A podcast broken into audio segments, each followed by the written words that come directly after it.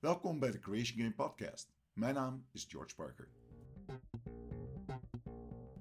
De Creation Game benadert het leven als een creatief proces. In de podcast onderzoeken we wat er gebeurt tussen verbeelding en realiteit, terwijl we werkelijkheid creëren en ombuigen. It's one small step for man, one giant leap for mankind.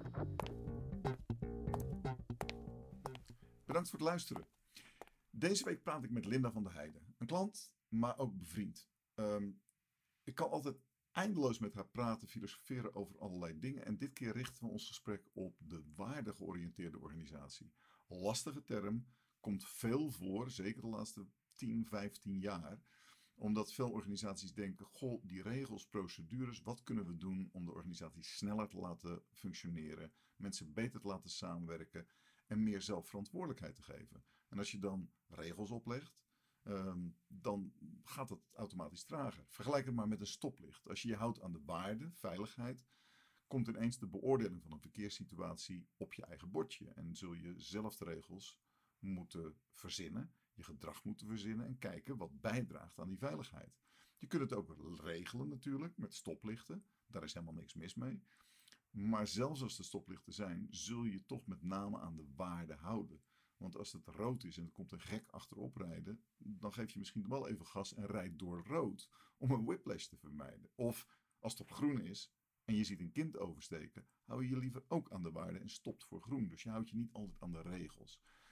Dat is de makkelijkste manier waarop ik het altijd uit kan leggen. Maar als je dat in een organisatie vertelt, dan wordt het natuurlijk in de praktijk af en toe lastig. Zeker als je gewend bent om lang functieprofielen te hebben die je taken, bevoegdheden, verantwoordelijkheden omschrijven in plaats van bijvoorbeeld waarden en eindresultaten. Dan zul je een groot deel van de route zelf moeten verzinnen.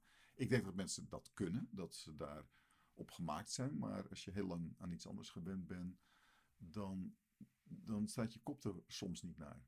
Dat is één van de onderwerpen. De andere onderwerpen, ze praat openlijk over de uh, burn-out die ze in 2012 had. En ik ken vele mensen die met die toestand te maken hebben gehad. En uiteindelijk daar veel positiefs uit gehaald hebben. Uh, zo komen er nog meer onderwerpen aan de orde. Geniet van de podcast.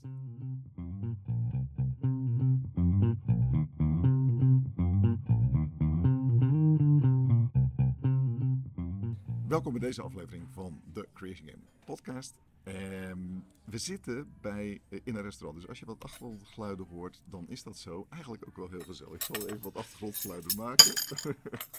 uh, maar het zal over het algemeen meevallen. Linda van dank je wel voor je komst hier naartoe. Uh, we hebben op een locatie afgesproken tussen, want jij woont in het verre noorden. Ik woon in Almere, dus we hebben halverwege afgesproken. Het is een zonnige dag. En ik wil met, over allerlei dingen met jou praten, want wij werken af en toe samen, ook uh, voor de organisatie waarvoor je werkt. Um, en ik weet dat jij me gevonden hebt via het web. Je hebt een search gedaan ooit. Oké. Okay. Ja, heb je toen verteld. Ik zei van, hoe vind je mij dan? Maar ik weet dat je uit was op een um, specifieke vraag uh, met, in de organisatie. Als je wilt vertellen welke organisatie is, prima. Maar wat, is, wat was, weet je nog wat de vraag was? Want jullie organisatie is op een bijzondere manier bezig met herorganiseren. Ja, dat klopt. Um, allereerst bedankt voor je vraag. Leuk hier met jou te zijn. Um, uh, dat klopt. En in die tijd waren wij bezig. Um, even nadenken hoor. Hoe, jij weet nog dat ik jou via internet heb gevonden. Ja, dat moet ja. haast wel.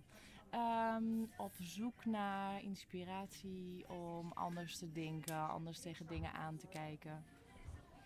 En uh, wij zijn een organisatie, we zijn op weg uh, om een organisatie te worden uh, gebaseerd op waarde, waardegedreven organisatie. Dat, is, dat, dat woord hoor ik heel veel. Hè? Ik heb zelfs een, een show gemaakt uh, 15 jaar geleden over de 21ste eeuw. Van waarden en normen, dus vaste procedures en dat soort dingen, naar waarden en vormen vrijheid van vormen. Wat bedoel, ik bedoel daarmee waarde. Dat is, is, is een begrip wat eigenlijk van binnenuit komt. Dan vind je een vorm En die vorm kan een norm worden en dan hoort het zo ineens. Mhm. En vervolgens is mijn stelling, dan kom je klem te zitten. Mhm. Wat is jullie Mhm. reden om ja. waardegeoriënteerd te gaan werken? Want ik kan me voorstellen dat in een organisatie dat ook dat begrip lastig te begrijpen is. Nee, nou, ik sowieso, eh, ik vind dat wij een heel inspirerende directeur hebben, die ook, die ook echt op zoek is eh, naar inspiratie en daarvoor open staat. En op een gegeven moment kwam hij eh, terecht bij eh, ehm, terug naar de bedoeling Oké, en het Rijnlandse denken, zeg maar. ja. Maar vooral ook dat terug naar de bedoeling. Van waarom doen we de dingen zoals we doen? Om- omdat we ze al jaren zo hebben gedaan en dat zijn we gewend. En als je wilt veranderen, als je moet veranderen in deze Ja. tijd waarin alles steeds sneller verandert, Ja. ehm, eh, dat, dan helpt het om te kijken van maar waar, waar, waartoe zijn we er eigenlijk? Mhm. En ehm, dus op die manier eh, eh, opnieuw kijken naar wat er nodig is en, en wat je daaraan bij kunt dragen en wat jouw rol daarin is. En ja, misschien is die wel anders. Of, of, of- ja, dus, dus vandaar dat Het is, het is eigenlijk een soort. Want het lastige met die woorden vaak is dat ze voor de een wat anders betekenen dan de ander. Ja. En sommigen zeggen nou even terug naar de basis, of even resetten, of eh, terug naar de kern, bij wijze van spreken. Vaak voelen we dat op dezelfde manier aan. Als je, als je die kern raakt, denk je, oeh, daar voel ik me ineens vitaal. Ik krijg weer een blos op mijn wang en licht in de ogen. Mhm. Eh, terwijl als je klem zit in zo'n situatie die eigenlijk misschien niet meer werkt, dan herken je dat gevoel niet meer. En dan is het zelfs lastig om te benoemen wat die kern dan is. Mhm. Hoe zijn jullie op dat pad gedaan? Want, want de kern, eh, eh, hij zegt van ja, eigenlijk, sommige dingen werken misschien niet meer in deze tijd. Hè? Net zoals de floppy disk heet het in dagen waarschijnlijk niet, gewoon te traag is en te Mhm. weinig capaciteit heeft. Ehm, en dat is in organisaties met processen zo, diensten en producten zo. Mhm. De wijze waarop je met klanten omgaat, dat is Mhm. continu in beweging. Wat was bij jullie de aanleiding, waar liep je er tegenaan, waardoor je dacht van, hmm, misschien moet het anders gaan vanaf heden? Nou ja, eh, ehm, dat heeft ook te maken met, nou, wat ik zeg, de veranderende tijd, veranderende maatschappij. Ehm, maar ehm, het is ook soms, we, we blijven altijd maar verbeteren. Ja. En hoe heet hij ook? Jan Rotmans, geloof ik. Die zei: Ja. Het is niet een verandering van. eh oh, nou ben ik hem kwijt. Eh, een verandering van tijdperken. Het is niet een tijdperk van verandering, maar een verandering van tijdperken. Ja, ja. Dus eh, we willen steeds maar blijven veranderen of we willen terug naar vroeger. Terwijl wat er, wat er nodig is, is iets echt nieuws. En om dat te laten ontstaan, ja, moet je dingen loslaten. Heb je daar voorbeelden van? Want, want dat hebben heel veel mensen. Die- Het moet anders, het moet echt nieuw. En dat is dat diepe gevoel. Je, je voelt het aan je theewater, zeg maar, als je, dat er iets moet veranderen. En dan hoor ik ook vaak, we willen het dit keer echt anders. En als ik dan gevraagd word, nou, we willen echt een ander event. En dan hoor ik erachter eigenlijk fluisteren, als het maar niet heel anders is. Eh, maar het gevoel is er wel, alleen dan de... Wat is dan het kenmerk van echt anders? Hoe ga je merken dat dingen echt anders zijn? Heb je in je eigen leven bijvoorbeeld voorbeelden ervan? Waar je zegt, oh, terugkijkend, toen deed ik dit en was ik dat. Maar daarna werd het echt anders. En wat is dan dat echte? Oi. ehm, Dan kan je ver teruggaan in de tijd. Want prepuber is echt anders dan ja, postpuber. ja. Nou, nou, voor mij persoonlijk, eh, wat echt anders was, is dat ik eh, in 2012 Ja.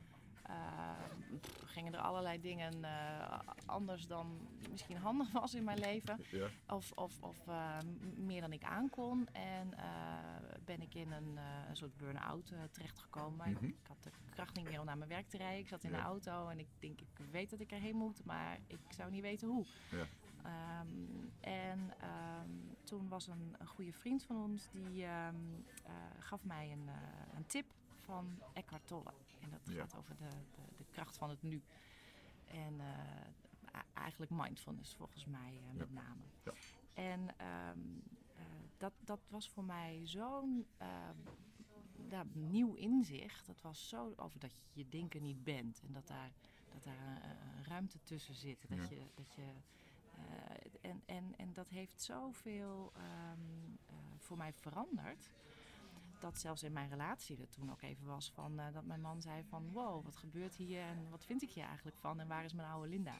Ja. En ehm, eh, wat ik heel in, ja, mooi vond, en, ja, prijzenswaardig ook in hem, is dat hij op een gegeven moment wel iets had van oké, maar nu ben ik, wat ben ik eigenlijk aan het doen? Dus een stukje zelfreflectie van ehm, eh, hoezo drijven wij uit elkaar? Ja. Wie doet dat, zij of ik?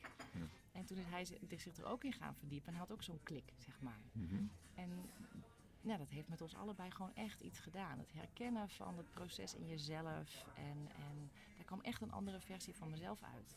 Daarvoor konden we ook best wel vaak Ja. even botsen. En eh, daarna eh, eigenlijk steeds minder. Het is natuurlijk een proces. Je bent niet ineens van de een op de andere dag anders of zo. Nee. Maar een stukje bewustzijn op van, hé, is niet wat een downloadable er programma eigenlijk? wat geïnstalleerd wordt en dat is klaar. Ja, en is alles wat ik denk waar. Weet Ja. je, dat ook. En eh, Zo, maar dat, dat, dat zorgt voor. voor- la- laten we eerst hebben over de aspecten. Want die verwarring, dat is een interessante. En die transitie, dat is misschien ook wel waarom bedrijven aan hun theewater aanvoelen. Hm, het moet anders. Maar er is ook een zeker hui- huiver, want ze voelen ook aan hun theewater. Dat gaat de nodige onzekerheden, twijfels, relatieveranderingen. En op een of andere manier sluiten ze zich dan af voor. Maar dan zal het een nieuwe relatie worden die waarschijnlijk beter is of rijker dan de oude. Dus, eh, eh, Ja, ja, ik, ik wil het wel anders als het maar niet anders is. het is wel verlangen naar de zee of zo. Ja, ja, ja, ja. ja. Eh, als je kijkt ten eerste naar de aspecten die in jezelf veranderden. Als je kijkt naar pre-2012 en post-2012. En je zou die oude Linda ontmoeten. Wat voor, oh, ik zou ze naast elkaar hebben. Zoek de verschillen plaatje, zou ik maar zeggen. Ja, ja, En ik zou een paar weken met de een meelopen, een paar weken met, met jou, zoals ik je nu ken. Wat zou ik dan zien met die, bij die oude? Nou, wat wel, waar het vastliep natuurlijk, eh, privé, is dat, dat mijn lijf dan op een gegeven moment dan zegt van oké, als jij zo doorgaat, dan, dan hou ik er mee op. Want dit, eh, dus, dus dat is allemaal signalen die je dan al Ja. genegeerd hebt. En, en, eh, dus in een bedrijf heb je natuurlijk met andere dingen, is dat, dat, dat je van reorganisatie in reorganisatie valt. Of dat je, of dat je leegloop krijgt, of dat je Ja. eh, niet meer kunt leveren wat je wil. Of, eh, dat, dat soort dingen. Dus dat, dat, dat ontstaat dan bij, eh, bij organisaties. Dus je lijf zei eigenlijk van, ik weet dat het een andere richting op moet, of ik weet dat er aspecten moeten veranderen. Ja, Welke aspecten, de top drie van dingen waarvan je zegt, oh dat, dat doe ik nu, of zo, ik denk echt anders. Eh, ja nou, wa- wat ik toen met name ook geleerd heb, is dat hoeveel we wel niet bezig zijn met ofwel het verleden in ons hoofd, ofwel Ja. met de toekomst. Ja. In plaats van dat we in het nu zijn. Dat het ook wel heel veel stress eh, o- oplevert. Ja. En eh, ik kwam er ook wel achter in hoeveel ik ehm, eh, mijzelf toch continu wilde bewijzen of moest bewijzen. En hoeveel energie me dat kostte. En, en, en ehm, het, het, het standaard, of standaard ja, goed genoeg zijn. Ja, ja, Wanneer is het goed genoeg? Ik was ook altijd iemand die eh, eh, alles voorbereidde. Heel erg daarmee bezig. Want Als ik dan ergens voor gevraagd werd, dan, oh, dan wilde ik daar ook echt alles van. Dus dat ik echt maar voldoende expertise zou hebben om in te brengen. Ja. En ik heb toen wel eens teruggekregen van, goh, Lim, maar we vragen je om jou, weet je. En dat, dat, dat had zo'n impact dat, dat, dat, eh, dat iemand dat zei. Gewoon, en, en dat ben ik nu veel meer, nu ga ik veel meer er gewoon in. En misschien is het ook leeftijd hoor. Maar eh, veel meer er gewoon in van ik ben wat ik, ik, ik, ik ben wie ik ben. Ik neem mee wat ik mee eh. En dat is mijn aandeel. En de rest is ook van anderen. Dus, ehm, Dat is wel een interessant om stukje te bewust worden van, van Ja. hoe, hoe zit ik eigenlijk in elkaar. En welke overtuigingen heb ik eigenlijk over mezelf. Maar ook over wat ik wil bereiken in mijn leven. Want het was er dus blijkbaar al wel, maar dat bewustzijn is blijkbaar eh, eh, kritiek voor jezelf. Eh, een kritiekpunt voor jezelf, omdat mensen herkennen het al van, maar dat is, je bent met je energie en je aanwezigheid al voldoende. En waarschijnlijk ook met die kennis en inbreng, tuurlijk. Maar aan de andere kant had jij intern iets van, maar ik moet nog iets meer. Wat overigens een diep menselijk zeker voor creatieve mensen die... is altijd van, is het wel goed genoeg? Straks komt er een echte professional, die ontmaskert me als een ontzettende amateur. Dat is bij elke kunstenaar zo, bij elke creatieveling zo. Maar het leuke is, het is van de buitenkant al zichtbaar. Terwijl het van de binnenkant nog niet bewust genoeg is. En je zegt eigenlijk daarna stil gaan staan erbij van, oh, oh dit is valide. Dit telt als ik gewoon er ben met mijn... Ja, en ook veel meer. eh, ehm, eh, eh, vroeger had ik dan het idee dat ik pas iets deelde als ik het gevoel had dat het perfect was. Weet je, en dan is het ook Ah, heel ja. eng natuurlijk om dat te delen. Want Ja. het is dan ook. Terwijl nu ben ik veel meer van. eh, dit- dit is wat ik eh, hieraan bijdraag. Denk mee, help mee. juist meer mensen om me heen verzamelen al in dat. In het begin Eh, want samen maken we er iets beters van. In plaats van ik moet er eerst zelf iets perfects van Ja, want als je het woord perfect noemt, is natuurlijk ook voor veel mensen. dat dus jouw criteria. niet. Nou, ten eerste is het dus jouw eigen criteria over wat perfect is. En dan denk je vaak ook aan een hoekje. Het, het is perfect als er, tenminste dat is een van de dingen die ik had, van als niemand er meer kritiek op kan hebben. Ho, ho, ho, ho, wacht even. Ja. dat is niet wat perfect is. Kansloos. Ja, totaal.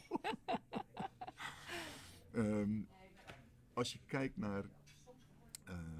Een van mijn leraren zei perf- perfectionisme. Dat was een interessante ingang voor mij. Eh, die zei: perfectionisme is niet als je er niks meer aan kunt toevoegen, maar als je er niks meer kunt afhalen.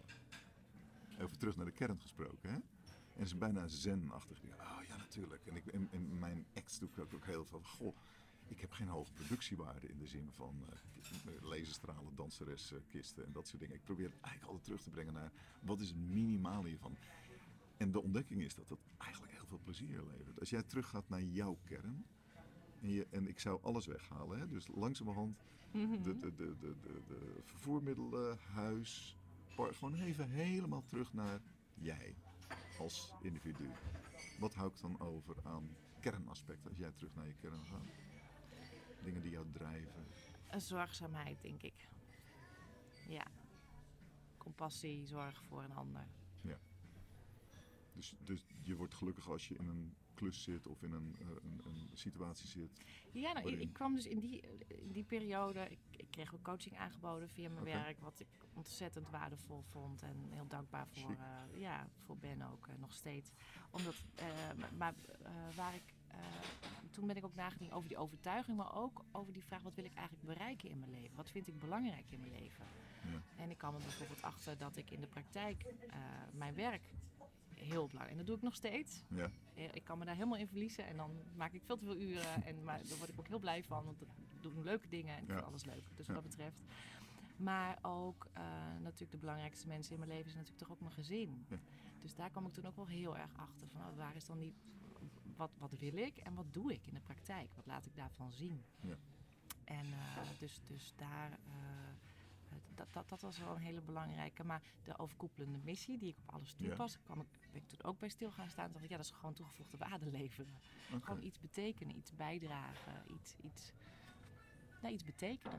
En wat zijn, wat zijn dan kenmerken als je iets betekent? Want dit, dit is een, een, een eh, slippery slope, zoals de Amerikanen zeggen, van iets betekenen. Als je dat inderdaad weer vanuit je eigen criteria gaat. Ik moet perfect zijn of ik moet iets Mm. betekenen. Maar ik ken je natuurlijk langzamerhand een beetje. Je zegt, oh wacht even, maar dat is niet afhankelijk van wat ik vind dat iets betekent. Nee. Maar wel hoe anderen ervaren, Ja. die waarde ervaren, zou ik maar Ja. zeggen. Dus niet Eh, dat ik bedenk dat goed Nee, is, precies. maar wa- wat, wat daadwerkelijk nodig is. En dan ga je niet naar wat ik denk dat in een situatie nodig is, maar dat je luistert naar gewoon iemand. En soms is dat al toegevoegde waarde leveren. Ja. En dat is wel een, een groot verschil. En hoe herken je dat dan nu? Dat, dat, eh, want vroeger was dat misschien minder herkenbaar, hè? omdat die grote stem er was van het moet wel perfect zijn volgens eigen Mm. criteria. En blablabla. Help, help, help. Ja, Op een gegeven moment, boem, zeg je, ho, ho, ho, ho. Dit klopt niet meer. Je energie Mhm. stroomt niet echt meer. Mhm. Ehm, en je, ja, daar zit een soort intelligentie die ik ook niet helemaal snap, maar die wel, eh, weet je wel, als je een griepje krijgt, is misschien ook, heb je een beetje te hard gewerkt Ja. misschien, of, of Ja. Ehm, weerstand verloren. En dat geldt voor burn-outs zeker. absoluut. Te lang Dan- niet goed voor jezelf gezorgd. Ja. En niet goed naar die kern geluisterd. Van, goh, Geluisterd. wat is dan echt de essentie voor mij? En hoe kan ik dat in mijn vak uit? Hoe kan ik mijn eigen vak anders doen? Misschien een ander vak. Maar terugkomend op de vraag. Waar, als jij voor anderen betekenis wil hebben, hè, toegevoegde waarde, wat dan, hoe kom je daarachter? Op welke manier merk je dat? Meet je dat? Dat het dan Ja, dan ontstaat er energie inderdaad. Oké, ja? Ja, vind ik wel. Vind ik wel. Dan, ehm, dan kom je, eh, als, ik een, als ik een team ondersteun eh, of, of eh, met iemand die het zwaar heeft in gesprek ben of zo, Mhm. dan, dan, on- dan ontstaat er een soort flow of zo. Zit dat ergens over dat lijf gesproken? Want dat is dus blijkbaar al een belangrijk signaal, hè? Ehm, is dat energie in je schouders, in je onderbuik, in je hoofd? Is dat door het hele lijf heen? Hoe, hoe- wat zijn de kenmerken daarvan? Oh zo, ja, in, in mijzelf merk ik dat als ik mij gespannen voel of moe, inderdaad nek, schouders, dat soort dingen, dat, is, dat vertelt mij, oh, ik geloof weer iets wat niet waar is. Oké, ja, ja, ja. ja. En wat is dat dan?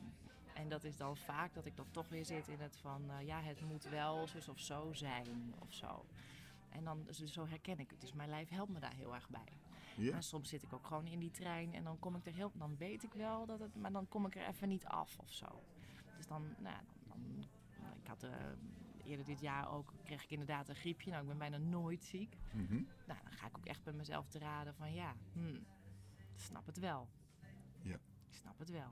Te misschien lang wel- gewoon niet geluisterd naar dat gevoel en de onrust. En maar blijven gaan en willen presteren. en. Mijn best blijven doen. En eh, te- er voor anderen willen zijn. En dan niet genoeg tijd en rust voor mezelf genomen.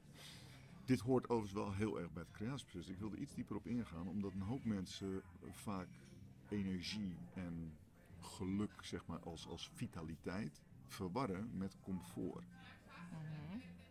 Sterker nog, vaak als je het comfort te veel zoekt, kom je in een situatie waarin je iets misschien doet wat je niet meer vitaliteit geeft. Het is wel comfortabel, maar het is niet vitaal. Oh ja, ja. En bij vitale processen, zoals creativiteitsprocessen, creatieprocessen in de zin van ik ga van A naar B, hoort, hoort ook de, het verdriet en in een hoekje zitten. Maar het klopt wel. Mhm. En dat is iets anders dan waar je het nu over hebt. Dat je iets doet waar je eigenlijk niet meer gelooft. Of iets gelooft wat eigenlijk niet meer waar is voor je. Mhm, mhm. Dus dat is wel even belangrijk om te onderscheiden. Ehm, in de zin van presteren. Want het is een hoop mensen, oh ja, je moet alleen maar go with the flow en niet presteren. Maar dat, dat ben jij ook niet. Want je hebt wel ambities Oh, en visies. En Absoluut. je streeft iets na, maar Want ik wil iets bijdragen. Ja. En ik ben heel praktisch ingesteld. Precies. Dus, Dus je het moet zult mij ook heel snel krijgen. horen zeggen van oké, wat gaan we dan nu doen? Ja. Ja. Ja, dat zul je mij heel snel horen zeggen. Kun je iets meer vertellen over de, de, ehm, die, die specifieke kenmerken over wanneer je dan herkent wanneer het niet in de haak is? Wanneer je zegt, oh wacht even, dit is een kramp die hoort bij een goede dag werken en aanpakken en dan moet ik ontspannen. En een kramp die evolueert naar mogelijk overspannen burn-out situaties. Die echt een verkramping wordt, omdat het echt niet meer klopt. Ja, ik heb het er ook wel met een, collega over. Wij hebben ook als team, eh, eh, team communicatie, ik ben communicatieadviseur eh, voor mijn eh, werk. Ja. En eh, onder andere, Ja. eh, want dat is ook wel leuk, we zijn ook zo'n organisatie waarin je doet waar je talent ligt. En dat noem, ja, ik heb dan het labeltje communicatieadviseur, maar ik breng in andere projecten misschien heel andere dingen in dan misschien Ja. communicatieadviseur eh, puur zak. Ja, ja. Maar ehm, ehm, het- ik, we hebben als team ook dezelfde ontwikkeling doorgemaakt. Omdat wij jaar achter jaar lijstjes hadden van dit zou er allemaal moeten gebeuren. En we zijn maar met z'n tweetjes en dat, dat redden we dus niet. En Mhm.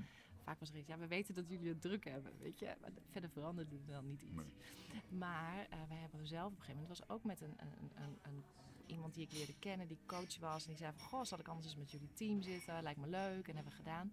Had ook de vraag van, oké, maar waar ben je dan van? En waarin zit dan jullie toegevoegde waarde? En kwamen we erachter dat we een veel te grote aap op de schouder nam- namen. En eh, wij het gevoel hadden dat we van de verbinding waren. Ja, en van ja. het overzicht. En van, en van de, de gezamenlijke doelen en de toekomst eh, helder. En het kapstokje enzovoort.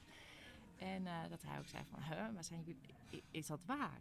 Zijn jullie daarvan? Ja. Of, of zijn er veel meer mensen in de organisatie van? En toen Ja. hebben wij heel erg de klik gemaakt naar, nee, communicatie is van ons allemaal. En wij helpen je er goed in te zijn. En je kunt ons inzetten voor bepaalde expertise. Maar ook dat is pas voor onszelf. Dus heel veel loslaten. En eh, mensen vragen, wat heb je nou eigenlijk nodig om hier goed in te zijn? En dat, dat dan organiseren. Maar tot de dag van vandaag zeggen wij tegen elkaar van... Oh, die energie, als je al voelt dat je ergens mee bezig bent, Mhm. dat je denkt, "Mm, of het is iets wat je steeds uitstelt, of wat je, eh, waar je niet aan toe komt, of wat, wat toch maar onder een lijstje blijft staan, dan weten we al van elkaar, dat was eigenlijk een klusje wat we niet hadden moeten doen. En als je dat soort klusjes toch weer blijft aannemen, dan kost dat allemaal energie. Terwijl als je blijft doen waar echt je toegevoegde waarde ligt, dan geeft het energie. En dan Ja. heb je het gevoel dat je goed bezig bent. Dus weer dat ongrijpbare energie waarvan je zegt, oh dat voelt in mijn lijf goed aan. Maar blijkt, wat ik hieruit hoor is dat je het vermogen hebt om A, wel een stap te nemen. Hoewel je niet zeker weet of die klopt. Ten tweede, op te merken, en misschien is dat te danken aan 2012 dat dat, dat superbewust is geworden. Oh, dit werkt niet meer. Of dit werkt niet. We moeten ons diepere vragen stellen over. En ik weet dat heel veel organisaties daar of overheen scheren. Of mensen van, nou, we negeren het, hè. niets menselijks is ons vreemd. Dus je denkt van, nou, eh, help, ik, eh, de drie aapjes, zeg maar. Ik hoor niks, ik zie niks en eh, weet je wel. Ik zeg niks, maar jullie zijn, staan daarbij stil. Mhm, Je kijkt erop terug mhm. en je denkt, het werkt niet meer. En je neemt een andere stap. Dus er zitten volgens mij drie aspecten in die belangrijk zijn. Ten eerste, je neemt een stap, je gaat aan de slag en, en eh, je faalt voorwaarts als het ware. Ten Mhm. tweede, je hebt het vermogen te reflecteren, te analyseren. Mhm. Ten derde, je hebt het vermogen om dan andere ideeën te ontwikkelen. Of, dat, hey, dat, of het nou echt anders is, of een klein beetje anders, maar het wel anders te doen. Dat zijn drie hele belangrijke aspecten volgens Mhm. mij, die cyclisch als het ware voorkomen. Dus de, de kenmerken van, oh, dit werkt niet meer, de energie gaat eruit, het klopt niet. Laten we het hebben over die tweede stap, de analyse. Op welke manier reflecteer je dan? Op welke manier kijk je terug naar wat jullie dan... Nou, dat, dat heeft dus weer heel erg te maken, eigenlijk hetzelfde als in 2012. Met wat, wat, hoe denken we eigenlijk? Wat vinden we? En is dat waar? Oké. En, en, en, en, en dat vind ik een van de meest interessante vragen. Ik, ik, komt ook, eh, eh, ik heb ook boek, boeken van Byron Katie gelezen. Ken Oh ja, je ja, Byron ken je, met Katie? de beroemde vragen die... je- Ja, En, en de belangrijkste vraag is, is het waar? Ja. En, eh, Ja. en ook het omdenken, eh, of het omdenken, het omdraaien. Van Ja. oké, draai het dus om, is het dan ook nog waar?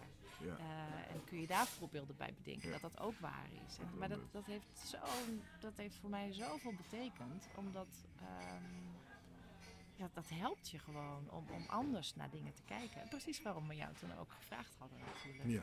Eh, anders naar dingen kijken. Jij hebt dan ook zo'n act waarbij je in het midden staat en, en, en iedereen jou kan zien, ook om jou heen. Ja. En dan zijn er, eh, dat vond ik zo leuk ook aan, aan, aan, aan, aan jouw stuk toen, omdat ehm, eh, sommigen zien jouw truc, maar dan van dat, vanaf die kant. En Ja. anderen zien het vanaf die kant. Ja. En alleen als je met elkaar dus dat beeld gaat delen, weet je wat er echt gebeurd Ja.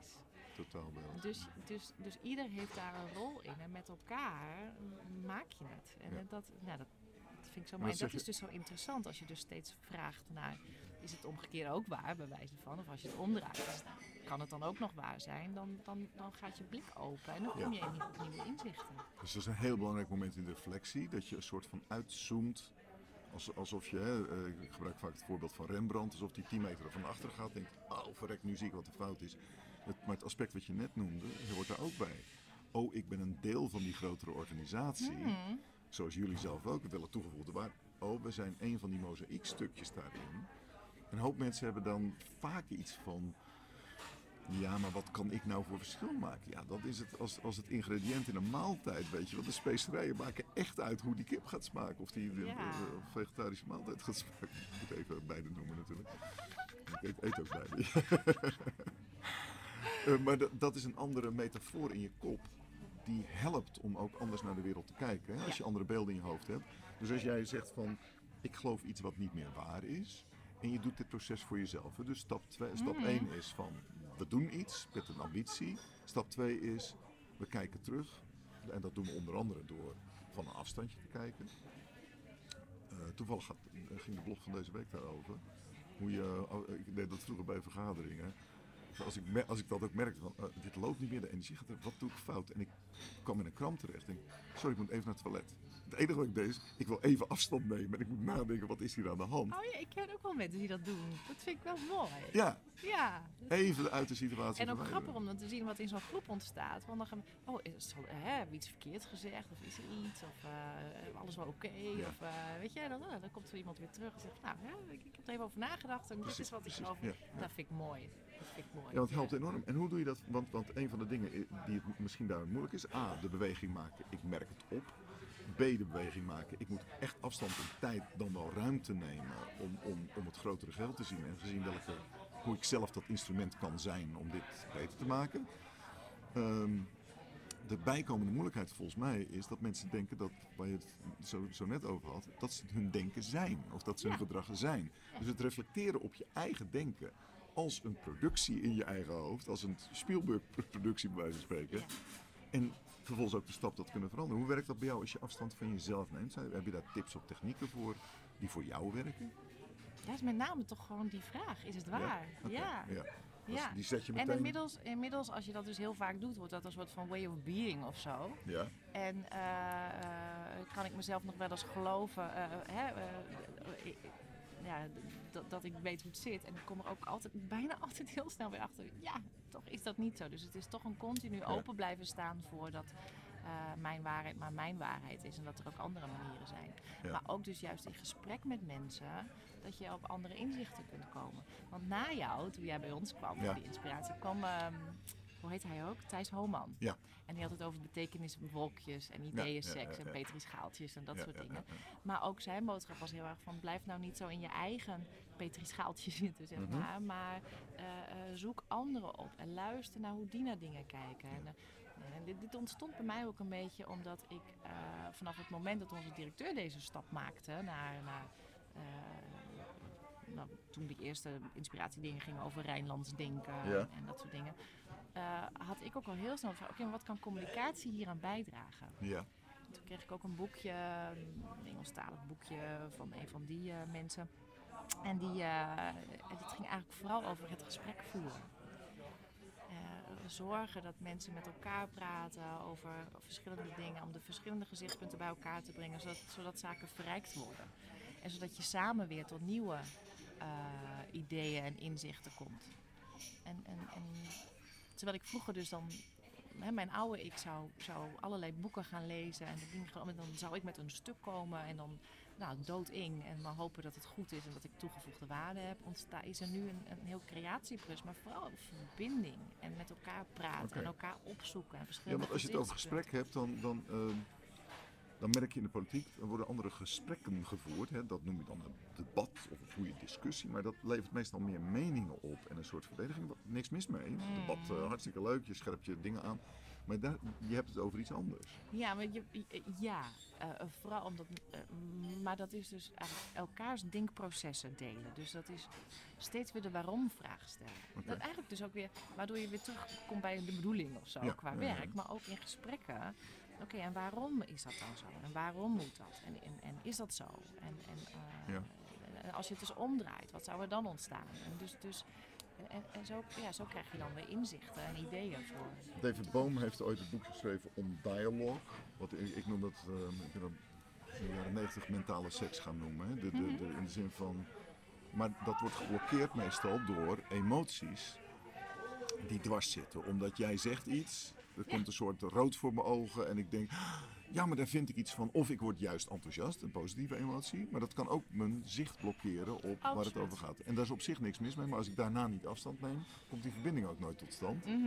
En dan krijg je inderdaad de politieke debatten waarbij, nou in Amerika is natuurlijk een dramatisch blauw en rood tegenover elkaar staan. En elkaar het licht niet in de ogen gunnen. Terwijl in Nederland is dat wat anders. Hè? Rijnland is eigenlijk de, de, de, nou misschien kunnen we paars dan verzinnen, weet je wel. Dus, dat, dat is al een, een, een stapje in de goede richting. Terwijl het polariserende ontstaat door die discussie. Ik ben het niet met je eens en daarom zijn we nu... Daar, die fase is niks mis mee, maar daarna hoort weer iets van verbinding te komen Ja, om iets meer te tuurlijk. maken. En ik denk ook dat het toverwoord nieuwsgierigheid is in plaats van oordeel. Ja, ja, ja, Want- mooi woord. We zitten natuurlijk heel vaak in een oordeel van ik vind dat, jij vindt dat, of dit is goed en dat is fout. Eh, het tegenovergestelde van wat jij gelooft is ook voor iemand waar, weet je. En, en eh, ah, als we in oordelen blijven zitten, dan gaat het steeds polariserender worden.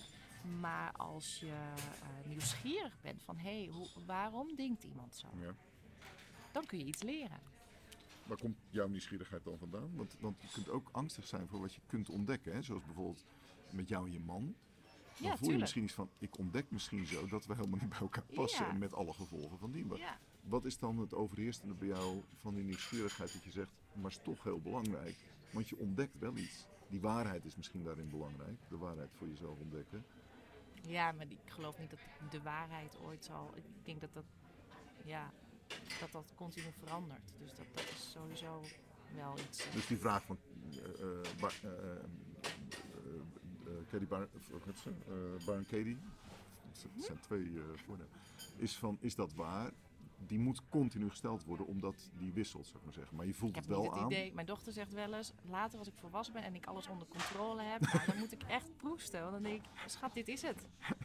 dit is het. Je, bent nooit klaar. Maar dat, is, maar dat beeld wordt natuurlijk wel in, inge... Dus misschien die nieuwsgierigheid wordt wel ondermijnd. Op, op, ik denk wel eens aan het schoolsysteem. Het feit dat je boeken krijgt. En dat er blijkbaar een waarheid is buiten jezelf die, die, die je moet kunt controleren. En als je dat boek nou eenmaal kent, als je boek voor 90% beheerst, krijg je een 9. Als je voor 10% beheerst, of 100% beheerst, krijg je een 10. Maar dat geeft een soort beeld in je hoofd dat er ergens ook echt een ultieme uiteindelijke waarheid is. Ja, en zij waren fout en zij waren goed. Ja, ja, ja. Terwijl, ja, nou ja, kijk maar naar alle geschiedenisboeken en over de oorlogen. En dat, uiteraard zit het altijd Ah, genuanceerder. het is de belangrijke metafoor waar volgens mij, ik ben protestant opgevoed eh, en, en heb inmiddels meerdere religies bewandeld en, en eh, gewoon simpel om te onderzoeken. Maar het begint met het splitsen van dit is goed en dit is kwaad. Dat is in feite, en toen dacht ik achter, oh ja, dat is, het paradijs is een metafoor voor die, dat, die energie zou ik maar zeggen. En op het moment dat je dingen gaat onderscheiden, wat misschien een fase kan zijn, Mhm. maar je brengt het niet meer terug bij elkaar, dan ben je continu. En een van de kenmerken daarvan, en dat is misschien wel met die nieuwsgierigheid verbonden, eh, is schaamte. Dus eigenlijk zeg je, als je schaamteloos bent, en, en de, de- dan ben je eigenlijk, heb je die verbinding. Dus schaamteloos nieuwsgierig zijn naar een andere in zo'n gesprek, is eigenlijk ook wel de weg. Oh, wacht even, nu vloeit het, alles ligt op tafel, er zijn geen dubbele agenda's en dat soort dingen. Heb je eh, momenten meegemaakt waarin dat bijeffect van die schaamteloze nieuwsgierigheid eh, eh, baby's in die mentale vrijpartijen produceren? Dat je denkt, oh, dat zag ik daarvoor niet. En dat opent zich nu ineens. Of de ander die zegt, ah, verrek zeg. Nou, zo heb ik het nog nooit bekeken. Oh, ehm, ja, ik moest, ik moest eerst even denken aan, aan dat polariseren. Want dat wij eh, wel gehad in 2014 moesten we bezuinigen. Ja, En toen heb ik een eh, eh, forum georganiseerd. Dus het was online en iedereen kon ideeën aandragen om, ja, van, van, van waar zie jij nou om je heen wat het handiger kan, efficiënter kan, goedkoper kan, Ja. dat soort dingen. En ehm, eh, dat was een, eh, een brandweerorganisatie. En dan heb je, eh, je hebt vrijwilligers en je hebt beroeps. Ja. En wat je zag, is omdat die groepen elkaar eigenlijk niet heel goed kenden, is dat, de, de, de vrijwilligers zeggen dat de beroeps kan wel wat minder. En de beroeps zeggen, nou die vrijwilligers dat, is, dat kan wel minder. Dus Ja. het is wijzen naar elkaar in plaats van oké, wat kunnen we eigenlijk bij onszelf. Mhm. En daar heb ik best wel veel kritiek op gehad. Van ja, dan heb je zo'n forum en moet je kijken wat er allemaal gezegd wordt. En dat, dat, dat polariseert, net wat jij zei. Mhm. Terwijl feit is, al die gedachten en, en overtuigingen aan, die waren er allemaal al. Alleen nu werden ze zichtbaar. Maar wat betekent dat? Dat betekent dat je met elkaar in gesprek kunt gaan daarover. En, en, en dat je dus eh, daar verbindingen maakt en, en, en mensen dichter bij elkaar brengt. En zegt van, god, eh, eh, blijkbaar wordt er zo gedacht. Is dat waar? Of waar komt het vandaan? Mhm. En, en, en, en, en het, het grappige is, niet dat, dat op dat moment dat allemaal veranderd is, maar dat je wel een proces ziet nu dat dat niet meer zo is. Dus dat is een belangrijke stap. En dat, en dat, er, dat er nu een organisatie staat waarin het is, hey, hoe kunnen we elkaar aanvullen en waar kunnen we elkaar ondersteunen en helpen en veel meer vanuit wat is er nodig. Nou, dat vind, dat vind ik wel bijzonder dat zoiets ontstaat. Dus dat, dat, dat, dat, ja, dat, dat durven polariseren en emoties naar boven laten komen, dat is natuurlijk wel eng. Ja. Hè? En ook Maar vaak dan gaan we maar door en dan ja. van ja, laten we maar niet, eh, want dan krijgen we gedoe of eh, kritiek. En we, maar geef daar nou juist de ruimte aan. Organiseer dat juist en geef dat een plek. Ja. En, en ja, is het moeilijk? Ja, misschien wel, want ja, er komen emoties bij kijken. Ja. Er zijn misschien mensen die zeggen, wat ben je in hemelsnaam aan het doen? Het slaat nergens op. En, en, eh, maar dat is dan een interessant gesprek. Ja. En, Nou- en soms zullen mensen boos worden. Ja, dat, Ja. dat kan ook. Maar goed, als je dan van je... Ja, voor mij is het als ik gewoon open blijf staan en blijf luisteren. Dit wil niet zeggen dat ik iedereen's mening over moet nemen. Maar gewoon, oh, interessant. En, en hoe zit dat dan? Ja. Maar ja, de illusie dat iedereen eh, vredig eh, altijd met elkaar zal samenleven, dat, eh, ja, Nee, maar dat hoort ook in bij creatief proces. Dat is een bewegend be- wildwaterrivier soms. En soms is het een heel vredig meer. En al die verschijningsvormen komen voor. Volgens mij is het gevaar dat bij die polarisatie dat je erin blijft hangen. Mhm. Er is niks mis met, met een fikse. Ons, ons huwelijk ging zeker niet zonder eh, eh, nucleaire oorlogen, zou ik maar zeggen. En dat is, dat is prima. Maar het is, ja, als je daarin blijft hangen en je erin verhardt. In plaats van, oh, dat is een fase, het knalt. Dat levert eigenlijk heel veel energie op. En daarna zeggen we, wat heeft het ons nou opgeleverd als alles weer... Want emoties komen, zijn voor een deel natuurlijk hormonaal en komen altijd tot rust. eh, als je een keer afstand neemt en, en een week weg bent en zo. ja. En dan is de volgende vraag belangrijk. Dus in, in die ehm, er zijn natuurlijk ook bewegingen die zeggen je moet die emotie vermijden. Of het moet altijd harmonieus zijn. Nou, altijd, alles of altijd of iedereen, dat bestaat gewoon niet. Wrijving zorgt juist voor verandering. Ja, ja, ja. En daar hoef je ook helemaal niet bang voor te zijn. Maar dan heb je wel een soort van... hey, in principe, in de onderbuik zit het goed tussen ons. Daarom hebben we schaamteloze nieuwsgierigheid, schaamteloze discussies en schaamteloze eh extraverte... Maar dat levert wel een hoop informatie op die we weer kunnen mengen in het ideeënvorming, zou ik maar zeggen. Dus eigenlijk zeg je, maak het onzichtbare of heimelijk voelbare komt naar voren wordt op tafel gelegd. Maar er gingen ook mensen op reageren die niet zagen dat dat juist nuttig was. Omdat je dan meer materiaal, meer ideeën hebt om uiteindelijk een nieuwe mix te maken van die ideeën richting het nieuwe. Nou, ik denk dat het, dat het angst is voor die polarisatie. Inderdaad, Voor, voor de conflicten. Of dat je juist een verwij- verwijdering voelt waar je, eh, eh, waar je juist graag wil dat het wat meer één wordt. Maar dan moet je daar Ja. wel doorheen. Niet Ja, vermijden, ja, maar dan moet je daar doorheen. Door, ja, ja, dat gebeurt natuurlijk op het moment dat je in zo'n situatie zit. Die, die, eh, dan denk je dat dat alles is. Oh, dit is de liefde van mijn leven en dat zal nooit meer overgaan. Of, Mm. Dit is echt de tattoo die ik op mijn, eh, van haar naam en dat soort Mhm. dingen. En dan zie je niet door de tijd heen van, oh, dat kan voorbij gaan. Misschien moeten we het bij die kern symbolen houden. En niet bij het letterlijke houden, alleen bij de, de, de kern in symbolen. Als jij de waardegedreven organisatie, want daar gaat het onder andere over. Die, die, we hebben een waarde, die voelen we. Proberen we in woorden, dat is eigenlijk al niet een goed medium, Nee, want het lastig. drukt niet uit wat je voelt. Mm. Maar je probeert dat te doen. Wat dichterbij komt is mogelijk dat beeld. Want in die waardeorganisatie is dit proces wat we net bespreken, of wat we aan het bespreken zijn, belangrijk. Je, vanuit die waarde geef je een nieuwe vorm. Ja. Die vorm zal bevraagd moeten worden, is dit nog waar? Mhm. Klopt het nog? En dan ga je naar de reflectie toe, hè, die fase 2. En dan kom je op nieuwe ideeën. We zijn nu bij die fase 2. En dan is, kan het af en toe handig zijn om een soort beeld te plakken aan waar willen we dan naartoe. Vanuit diezelfde waarden, waar willen we dan naartoe? Hoe zou je de oude organisatie, die misschien meer hiërarchisch was, hè, meer in, op strepen, eh, ook op die manier in, in organogramma georganiseerd, zou ik maar Mm, dat zeggen. harkje, ja. Eh, dat harkje, dat, dat, en daar kijken mensen ook. Dat is een beeld ook wat ze in hun hoofd hebben. Top-down, bottom-up. Ja, dat is hetzelfde. Het is nog steeds dezelfde structuur en hetzelfde systeem. Hoe ziet de nieuwe organisatie die waarde gedreven uit en die dit soort gesprekken continu aangaat? Hoe ziet die eruit? Wat is daar het best passende metafoor? Of beeldspraak die Oei. hoort bij zo'n de- waardegedreven? Nou, wat wel mooi is, is dat ehm, aan het begin hiervan, in 2018 hebben we een nieuwe organisatie. En er werd dan een tekeningetje weg van rondjes of zo. Weet je. Oh, in ja. plaats van een hartje, ja, rondjes ja, en die met elkaar verbonden Oké, zijn enzovoort. Maar eh, het is ook eh, later ook gewoon weer losgelaten. Dat vind ik dan, ook, dat vind ik, dat, dat vind ik dan zo mooi. Dat wordt Ja. dan ook weer losgelaten. Van ja, dat dachten we toen, dat dat het was, weet je. Ja. En nu komen we erachter, bijvoorbeeld, dat hoor je ook op in veel organisaties, zelforganiserende teams. Ja, maar dat moet niet een doel worden natuurlijk. Dus eh, sommige teams eh, werkt dat prima bij en andere niet. Dus nou, om te zeggen, het is niet een doel op zich. Zo van, Nee. nou oké, iedereen moet dat gaan doen. Maar dat, lerende weg kom je daar. Dus wat we ook steeds doen, is, eh, oké, dat zeiden we in 2014, we zijn nu in 2018. Laten we eens terugkijken. Ja. En daarin wordt het concreet. Dan kun je zeggen, oké, we hebben die stappen gemaakt, die dit houden we vast, dit laten we achter. En daarin wordt het concreet. Oké, Dus niet met oké, en in 2020 staan we daar. Want dat zijn we juist aan het ontdekken. Dat weten we pas in 2020. Ja. Dus het is wel een ander proces dan. Dus het, ja, het is vloeibaar. Ja. Alles, niks blijft. één ding is zeker: alles verandert altijd. Niks blijft hetzelfde. Maar voor sommige mensen kan het heel lastig zijn om te zeggen, maar wat is dan de nieuwe basis van organisatie? En die Ja, verlegt zich dus niet naar meer van hetzelfde. Naar god, dit is mijn functie, mijn taken, bevoegdheden en dat soort dingen.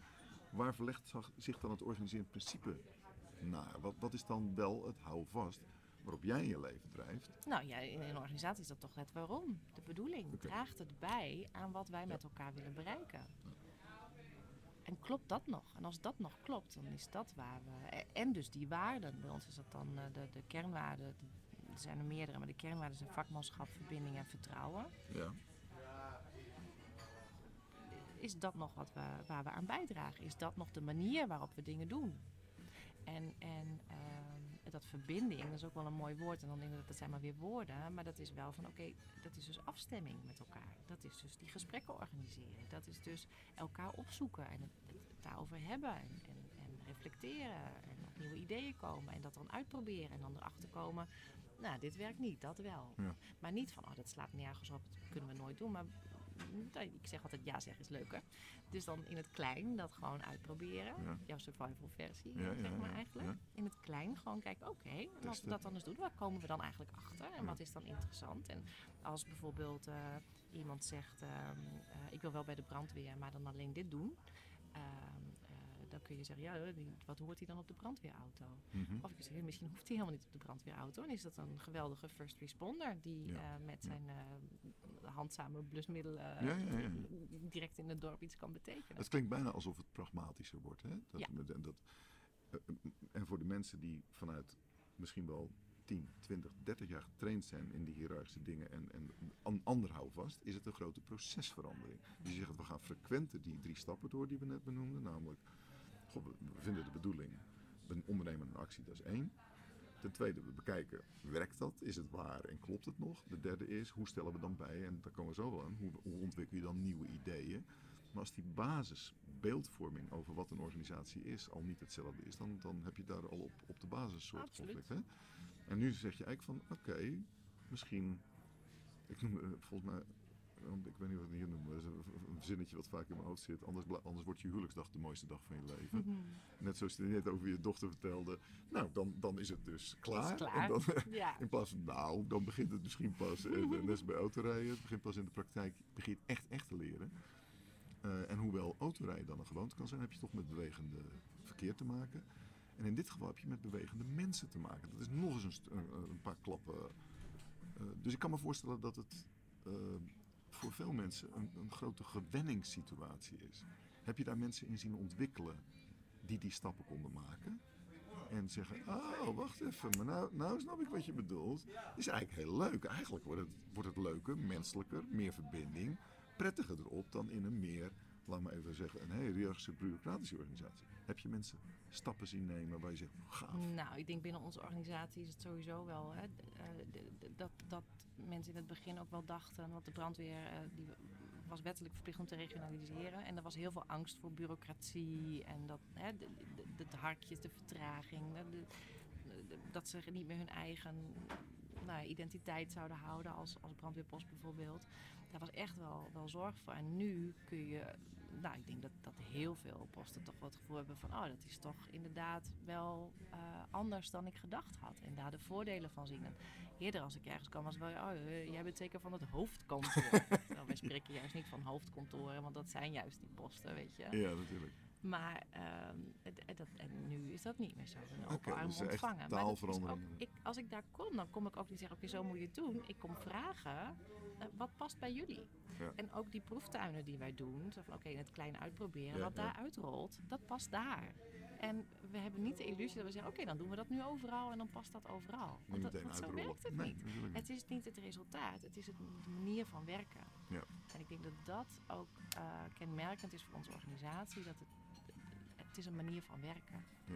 Het, is, het, het is, het is niet ja, Nou, werk organiseren of het organiseren van werk. Ik, ik weet niet, het is, het is Nou, ik heb het wel eens, als, ik vroeg over die metafoor, hè, wat is dan de belangrijkste? Ik heb het wel eens eh, vergeleken met eh, scripttheater, repertoiretheater en improvtheater.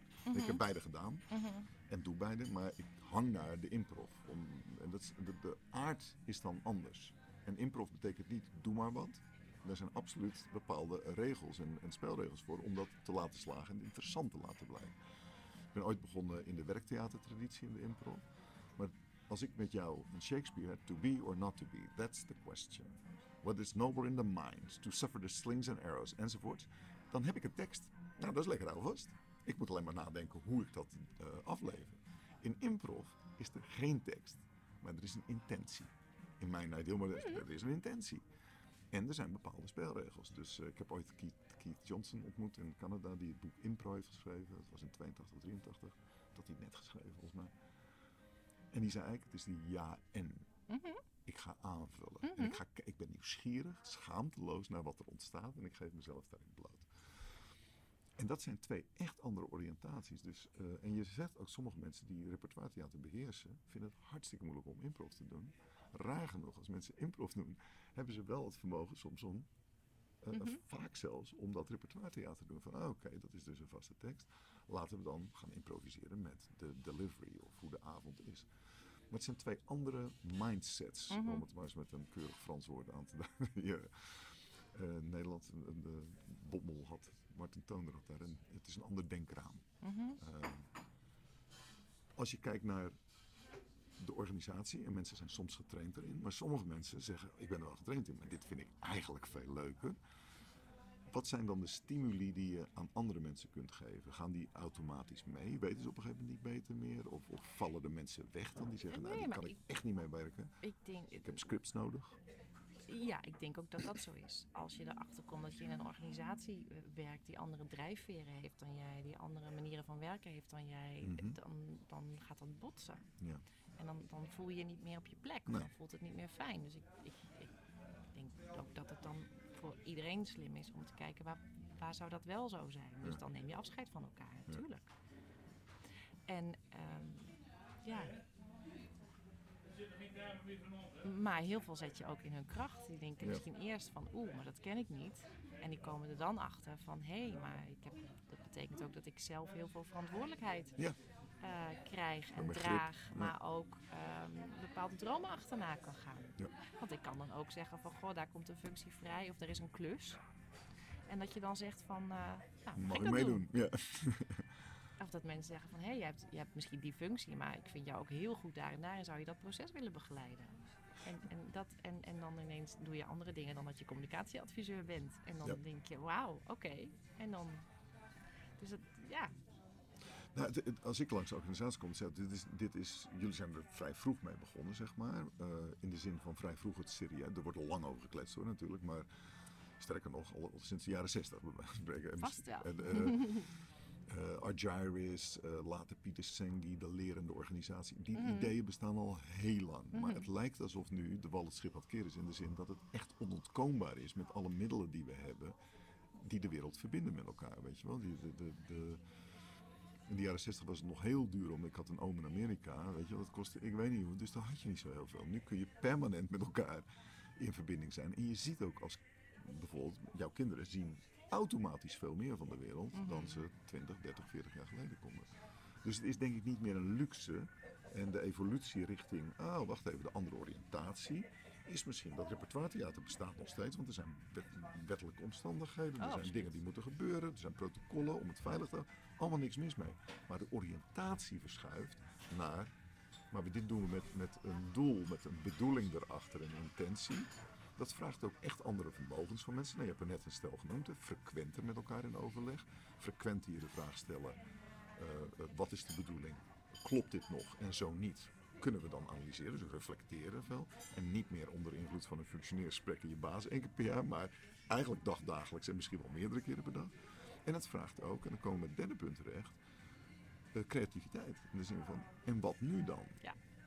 Het helpt natuurlijk al een beetje als je afstand hebt genomen om te zien, oh, er is meer dan alleen die ene kant van de zaak. Wat zijn dingen die jou geholpen hebben? Bijvoorbeeld eh, in 2012, hè? er komt een crisis aan, je neemt dat serieus, je krijgt hulp, want Mhm. dit soort dingen doe je niet alleen. Je staat er open voor, je, en je ontdekt een aantal dingen van, oh, mijn aanwezigheid, mijn energie speelt een belangrijke rol. Het is niet alleen wat ik aflever, het is meer dan dat. Prachtig. En je ontwikkelt dat. Hoe heb jij zelf andere eigenschappen ontwikkeld? Hoe kwam je op... Heb je daar voorbeelden, helden, inspiratiebronnen waar je, waar je aan kon spiegelen om nieuwe dingen uit te proberen? Hoe kom je op nieuwe ideeën? Ehm, ja, toen was het wel heel erg ehm, steeds die reflectie op mezelf, zeg maar. Ja. Maar dan moet je wel een moment van rust even voor nemen. Je moet wel even stilstaan. Ja. En eh, dat is niet mijn eh, beste eh, karaktereigenschap. Wat gaan we doen, zeg je dan? Ja, nou ja. nou, maar- stilzitten. ja, Nou, ja, dat is niet echt iets doen. dus dat, dat zelfreflectie is wel een dingetje. Ehm, maar yoga is iets wat, ik, wat, wat mij daar heel erg bij helpt.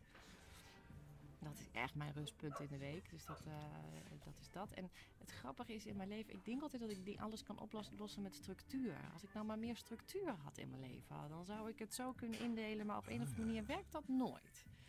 Dus ehm, en bepaalde dingen lukken dan wel even of niet. Of, maar ja, wat zijn nou dingen die ik echt anders. Ja. Hoe kom je op nieuwe ideeën? Hoe Hoe krijg je invallen? Zeg je, oh, maar zo kan ik het ook uitproberen. Ja, dat is in gesprek met anderen. Toch? Ja? Ja, De interactie. Nou, in feite. dus aan de ene kant zelfreflectie van wat denk ik eigenlijk en is dat waar? Ja. En eh, hoe, kan het ook? Continu dat open blijven staan, ook richting anderen. Mm, en en, ehm, ja, en dan in gesprek met elkaar van wat nou als. En wat ik wel heel erg doe, daar nam ik vroeger nooit de tijd voor. Ik ga heel vaak naar, eh, eh, tegenwoordig naar eh, eh, vakbijeenkomsten over communicatie of over andere onderwerpen. ja. En dan ga ik inspiratie ophalen. En wat ik dan van toepassing vind, dat, dat, dat neem ik dan weer mee. En dan, dan kom ik weer met enthousiaste ideeën over, oh, was me nou dit of dat of is of zo. En dan, nou, dus, soms sla ik dan ook wel de plank mis hoor. Bijvoorbeeld, dan, dan ben ik heel enthousiast. Zeg ik, zullen we, zullen we daar iets mee doen? Zal ik daar iets voor organiseren? En dan hebben we met een team zo'n training daarin gehad. En vervolgens, nou, tijd voor het vervolg. En, eh, en dan hebben ze zoiets van, ja, maar... ja, je, je was zo enthousiast, maar eigenlijk willen we dit niet per se. Nou, dan weet ik, dan was dit gewoon nog niet het moment. En dan moet ik het even weer laten gaan. Ja. Dus, eh, Die prikkels, ik wil daar toch even op ingaan, want de voorfase die je doet is nogal cruciaal. Want ik hoor natuurlijk heel veel mensen die zijn al naar een congres geweest en doen dit. Hè. Dat was eh, 15 jaar geleden bijvoorbeeld competentiegericht werken. En, en iedereen doet dat dan eens.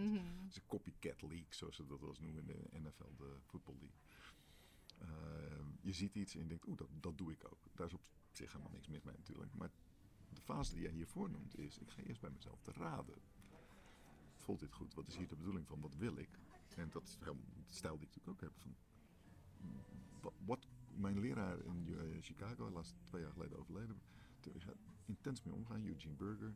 Zei altijd, eh, als je een truc kiest, lees niet een boek en neem het gewoon op. Hè, het congres en neem niet gewoon over en kopieer. Maar stel je de vraag, does it call to me? Mhm. Is er, Oh, heel herkenbaar. vraag deze truc, eh, en dan is er iets van, oeh, dit is hem. Dit matcht, dit past. Ja, ja, kan en- ik wat mee? ja, en en dan, dat- ja, ja. want ik, kan- ik kan natuurlijk ook naar sessies gaan waarbij ik denk, ja, nee, Nee. nee, Is het niet? nee, voelt niks bij. Nee. En, eh, maar ja, ook sessies waarbij bijvoorbeeld een simpele schrijftraining in 2012 of, of zo. Dat begon en dat ik dacht, ik heb communicatieadviseur heel raar. Ik had niks met schrijven, kan natuurlijk niet. Maar goed, eh, toen had ik van had ik zo'n training gehad het schrijven, werk. Ja, I know, gelukkig. Maar toen had ik die training en het was zo'n klik, want het werd zo simpel. En het was zo leuk ook om anderen daarbij te helpen. En dan was dat helemaal mijn ding. En, en nou ja, dat doen we nu nog steeds in de organisatie. Iedereen weet die methode, weet je wel. Dat, dat, dat is dan wel heel erg leuk. Maar sommige dingen zijn ook eng, denk ik. Want waar ik dan, wat dan niet werkte, dat, is dan, dat ging heel erg over dat, hoe zorgen we dat bepaalde sleutelfiguren in een organisatie ook dat gesprek aangaan. Mhm. Dus hoe zijn we bij die gesprekken die in de wandelgangen worden gevoerd? Ja. hè, wat we eerder ook zeiden, van het wordt al gesproken, het wordt al gezegd en gedacht. Alleen ja, we zitten niet bij die gesprekken. Nee. Dus je weet niet precies wat er gezegd wordt en wat dan eigenlijk de pijnpunten zijn. Ja. En dit ging heel erg over. Ga nou niet eh, in zo'n sleutelfunctionarispositie de vraag stellen van, eh, of vertellen hoe het zit. Nee. Maar ga eens ophalen, hoe, hoe, hoe praten jullie erover? Mhm. Wat denken jullie dat het is? En wat betekent het voor jullie en wat ga je ermee doen? Drie vragen, that's it. Daarom, en dat, dat versimpelen. Dat Komt dat altijd fijn. los? Nou, eh, hoe bedoel je? In de zin, ik kan die vraag stellen. En ik zie dan ook sommige groepen met een soort van blanco gezicht van... Huh? En dan valt het stil. Of we willen het niet, of we hebben even geen verbinding ermee. Of we... Ja, maar dat zijn ook antwoorden. Oké, Dat zijn ook antwoorden. Wat komt, dat komt. Ja. En dat is alleen maar interessant, vind ik. Ja. Maar dat kan ook eng zijn. Want je komt dan ook terecht bij die emotie en waar we het eerder over hadden. confrontatie, ja. ja, Dus als ik dan probeer om andere mensen te helpen om er op die manier mee om te gaan, ja, dan snap ik op zich ook wel. Kijk, het komt dan bij, bij mij, ik voel Ja. dat heel erg, maar het moet ook bij die ander passen om dat zo te doen. Ja. En, en veel doen het ook al wel zo. En, ik, en ja, maar ik denk dan toch ook, maar dan heb ik toch dat nog meegegeven. En waarschijnlijk doen ze het al of passen ze toe. Of soms proberen ze eens wat Ja, dingen of een uit. paar nachtjes slapen en dan... Ja, ja, ja. Wie weet. En, en, eh, maar dit, ja, Dat- dus, dus zo probeer ik ik- met name met mijn energie en enthousiasme. Maar soms dan je daar ook een beetje mee over anderen heen. Tuurlijk, dan maar. En dan ja, ja. dat moet wel ook uit de mensen zelf komen. Maar dat gebeurt andersom waarschijnlijk ook. En vroeger had ik daar dan last van gehad en nu denk ik, dit is nog niet het moment. Of blijkbaar ontstaat het nog, of was het er toch niet. Of dan, proberen we wat anders. Ja, en dat hoort heel erg bij creatie. Al die, die, die eh, ik heb het geïllustreerd, veel theatershows, maar illusionisme, mentalisme, altijd met crea- En je gooit gewoon 80, 90 procent weg van wat je doet. En dat is ook mensen, ja, we moeten efficiënt zijn. Ja, echt, dat zit echt niet efficiënt in elkaar. Je investeert gewoon heel veel dingen waar je van denkt, jee, dat heeft honderden euro's gekost. En wat heeft me opgeleverd? Een truc die niet werkt of een act die, waarvan ik denk, nee. Maar uiteindelijk levert Oh, het Natuurlijk, geleerd. want je spiraalt uiteindelijk omhoog en je herkent de volgende die tot je roept van, oh, ik, ik, ik, ik voel beter wanneer iets klopt voor mij, wanneer er iets Ja. een interessant aspect aan zit. En daar wil ik even op ingaan, want ik had vorige week met Marijke Linkman, mijn schoonzusje, en eh, onder andere van Coach Boulevard en, en de Coachkalender enzovoort. Dus die ken ik al eh, bijna 40 jaar natuurlijk. Eh, dus, en, en we hebben allebei dat instinct, en jij ook. Ik herken wanneer het klopt. En soms dende je er overheen. Natuurlijk gebeurt mij ook dat je denkt, nou, waar ben ik mee bezig? Weet je, het klopt niet meer. Dat, dat it calls to me, het klopt, is bij. Ik, ik weet van sommige mensen die ik gecoacht heb, na vijf, zes jaar pas. Maar nou snap ik wat het is. Nou heb ik de plek in mijn lijf gevonden of de, de kenmerken gevonden wanneer het klopt voor mij en wanneer ik meega in wat andere. Hè. Twee, ik noem het Mhm. vaak tweedehands kennis of tweedehands voorbeelden of derdehands of vierdehands, zou ik maar zeggen. En jij zegt eigenlijk, ik probeer het uit en door het uit te proberen heb ik dat reflectiemoment. Maar dat reflectiemoment koppel ik wel aan een herkenning van energie, noemde je net. Mhm. Het is een bepaalde eh, soort energiesignatuur misschien. Van, er is iets wat klopt. Ik heb in een van de podcasts wel eens het moment, eh, denk ik, genoemd van dat... Ik ben van oorsprong pedagoog. Dus ik heb Bertha gedaan op school, echt wiskunde. wiskunde hè. Daarna ben ik weer techneut geworden. Maar tussendoor heb ik eh, ontwikkelingspsychologie gestudeerd, eh, pedagogiek. En daar had een pedagoog het over de verborgen plek van een kind. Als cruciaal voor wat ik net noem. Mhm.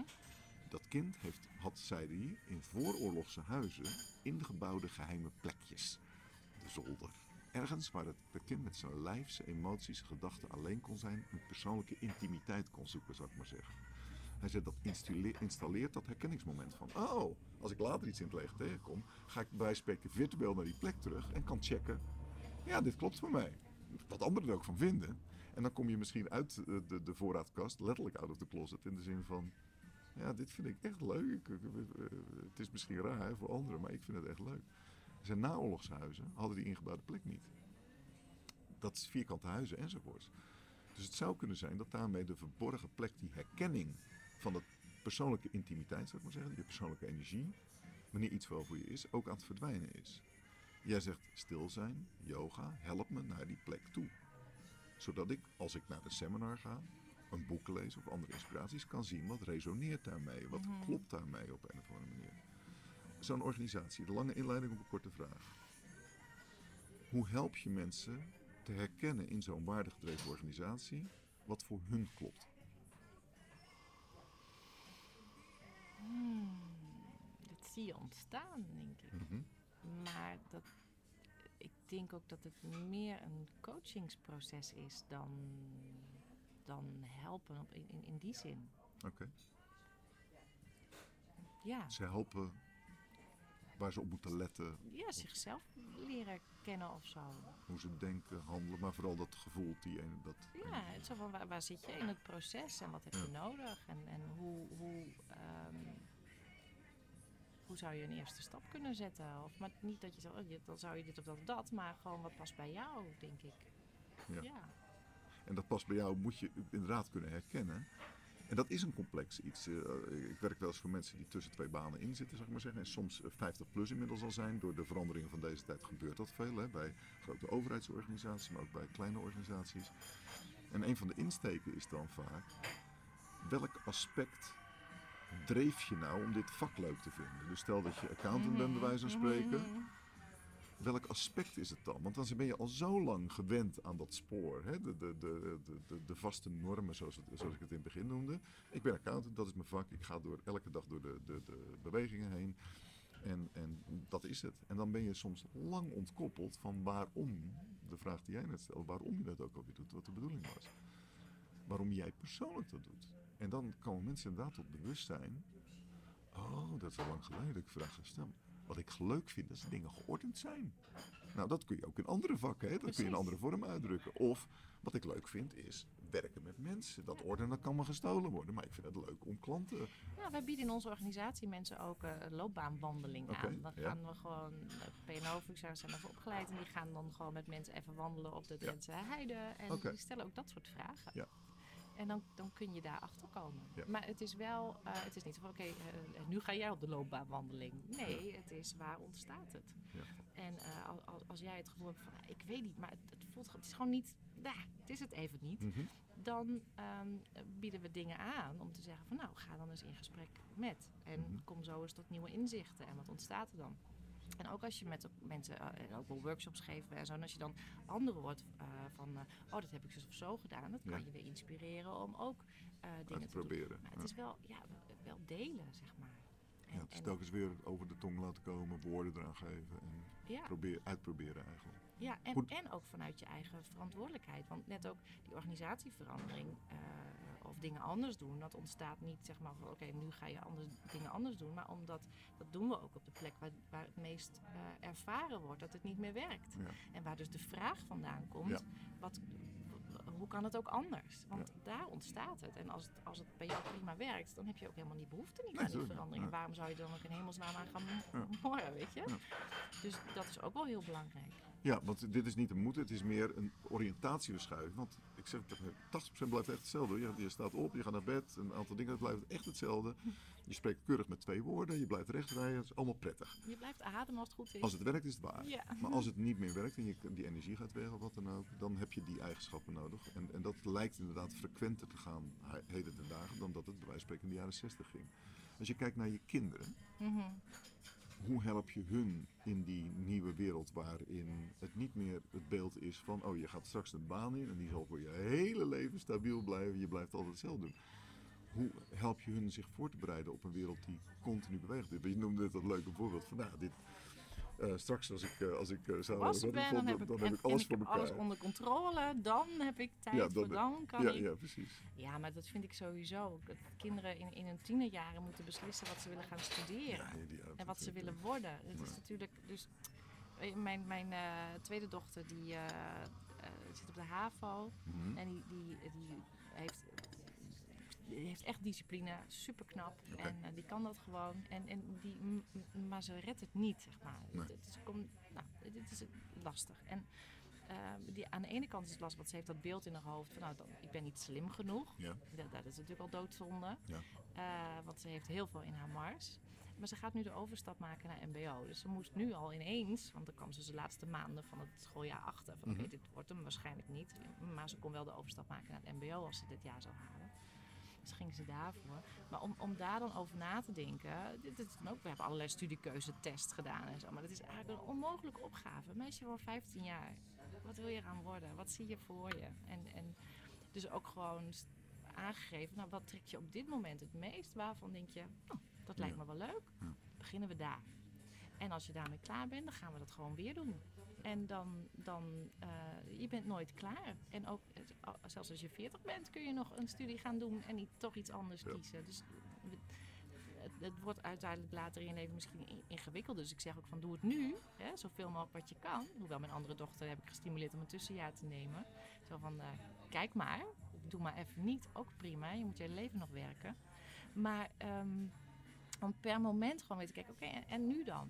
En wat, wat nu? Wat past nu bij mij? En dat het altijd weer kan veranderen. Ik zeg, meid, ehm, anders was je 18 geweest als je van de ateneum kwam. En nu ben je 18 en kom je van een mbo-opleiding. Nou, als je dan weer door wil studeren, wij steunen je wel.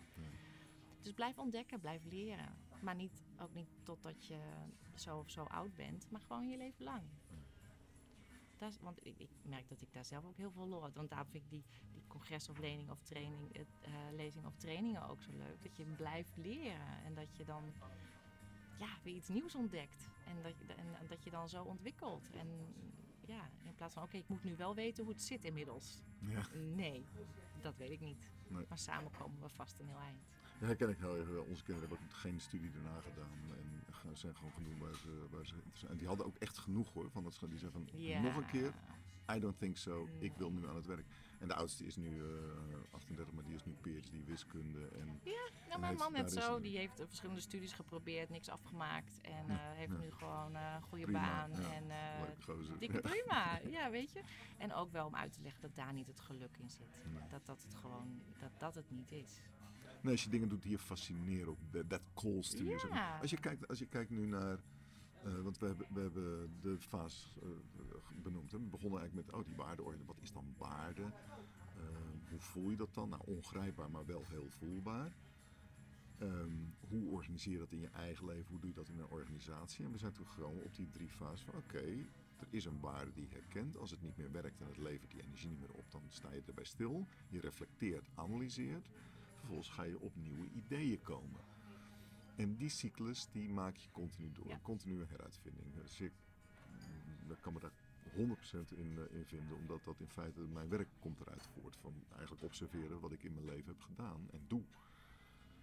En daar zit ook altijd weer een moment van, oh, dingen hebben een houdbaarheidsdatum. Waar ik de laatste jaren mee tegen aangelopen is dat ik een vorm kost. Want ik wou eigenlijk het boek schrijven wat alle boeken daarvoor geschreven en daarna geschreven overbodig zou maken.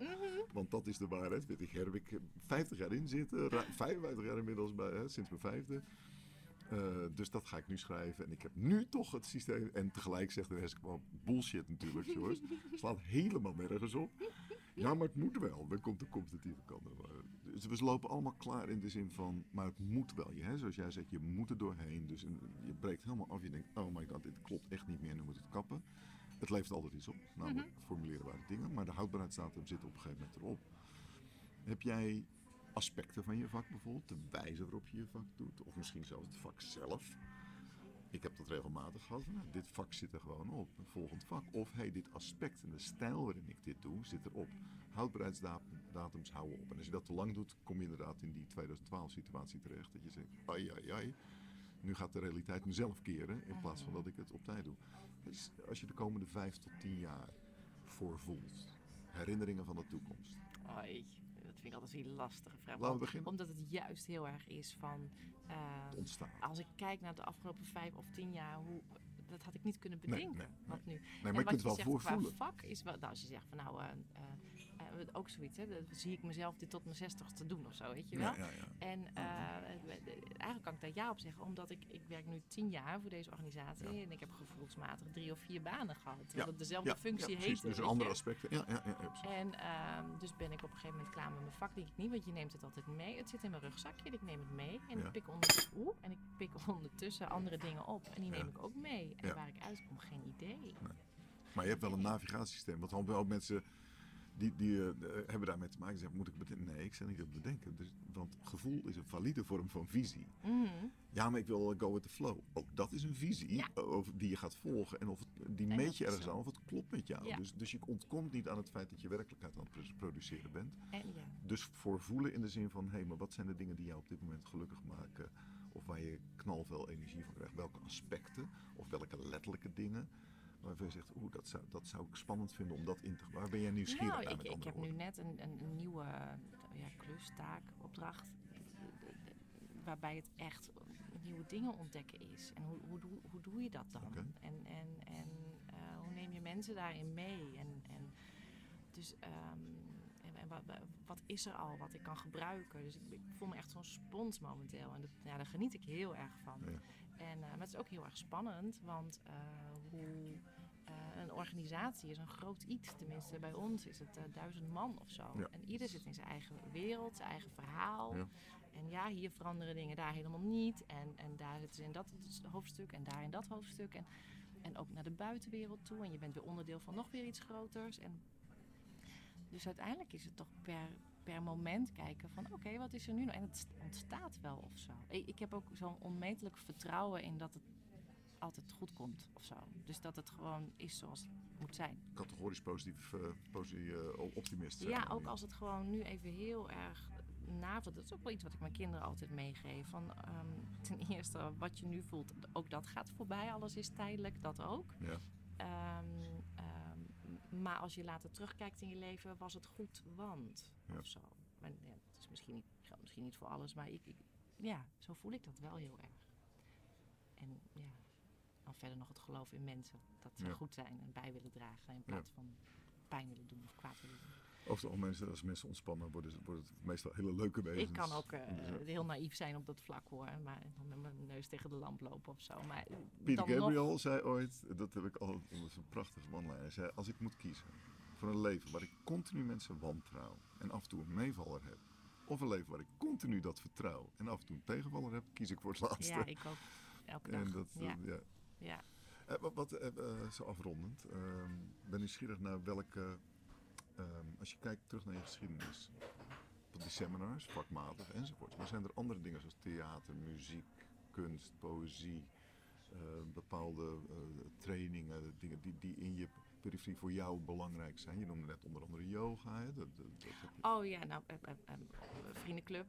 Dat is, is ook zo'n verschil met vroeger. Vroeger was het vo- gevoelsmatig vaak een soort van visite of zo met vrienden, weet je. Oh, hoe is het met die, die, twee koekjes bij.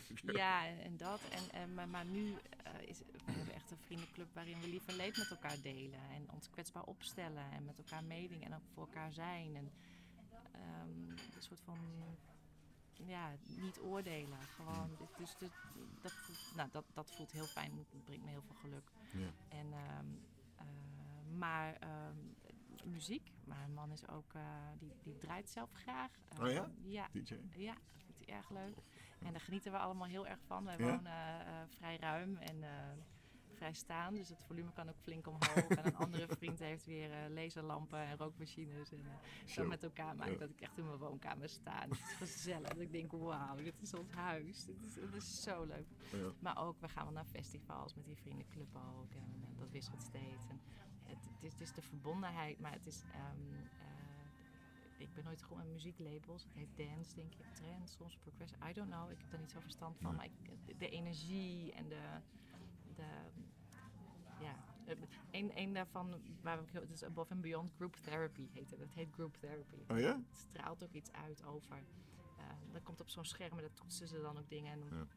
een van die dingen is ook. eh, vergeet altijd, altijd hoe het precies staat. En mijn man weet dan altijd precies hoe dat was. Dus ik zal het wel niet goed vertellen. Maar dan zie je een beeld van de aarde. En dan zie je dat steeds verder af. En dan, dan zeggen ze ook van, eh, van veraf zie je geen grenzen. Nee.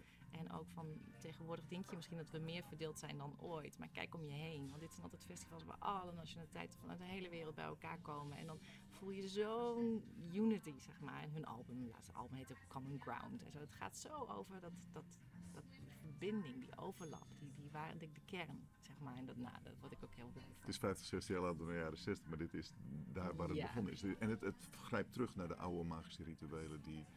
Daarom zijn zo'n vriendenclub wordt eigenlijk een tribe van Ja, jezelf, een stam. Absoluut. ja. Ehm, wij ook heel nadrukkelijk bij veel naar die festivals geweest met nachten door Mhm. dansen en dat soort dingen in de natuur en met andere mensen. En de ingrediënten zijn eigenlijk de ingrediënten die we langs hebben laten komen. Namelijk, hey, laten we even stilstaan, eten delen, stilte delen, verdriet delen, vreugde delen, visies delen.